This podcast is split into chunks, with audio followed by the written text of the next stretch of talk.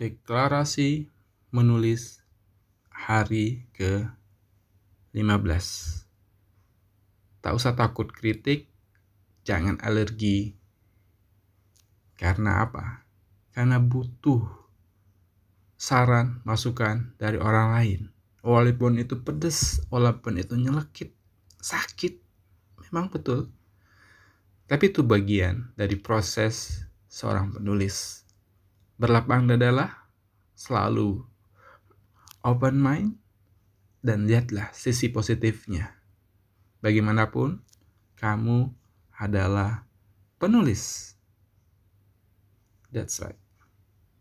Demikian, salam kreatif.